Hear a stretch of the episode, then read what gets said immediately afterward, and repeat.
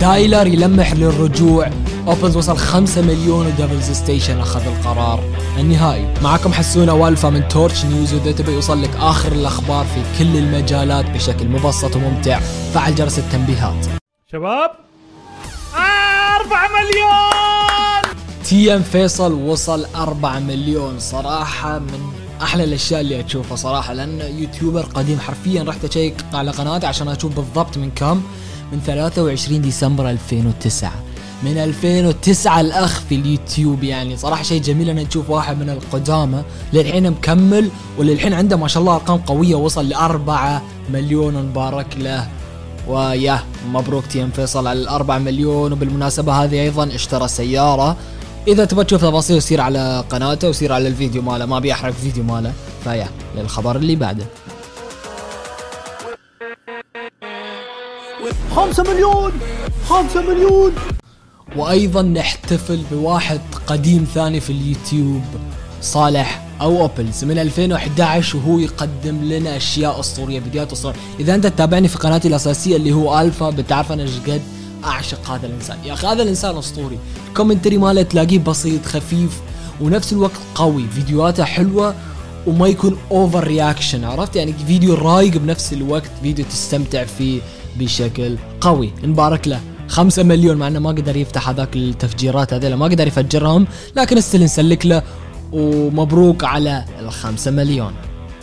قبل يوم دايلر نزل post في اليوتيوب community ماله كتب أيام بروفا لمسرحية اليوتيوبر مع الفنان يعقوب عبد الله تعلمت منها الكثير وحطه صور فهل هذا الرجوع لدايلر أم لا؟ لأن اللي نعرفه أن دايلر حاليا قضية وما قضيه عنده مشاكل وناس يقولون لنا أخوه اللي ماسك الحساب. فهل أخوه ماسك الحساب؟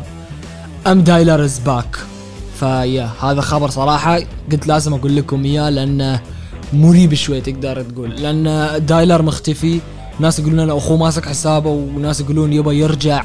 فيا حبيت بس أعطيكم الخبر على السريع عشان تعرفون الجديد. بعد الفيديو اللي دبل ستيشن نزله عن إذا يرجع ولا ما يرجع ولا يفتح قناة ثانية ولا شيء يسوي بعد ما قرأت تعليقات على كلامه وأخذ رأي الناس فوصل لقرار أنه يبي يكمل في اليوتيوب وينزل فيديو كل أسبوع على الأقل فيديو كل أسبوع. فإذا رجع بهذه الطريقة صراحة بينجح لأنه محتواه قوي وبيقال بيكمل محتوى سواء قصص أو محتوى gameplay أو محتوى unboxing مثل ما آخر فترة قام يسوي.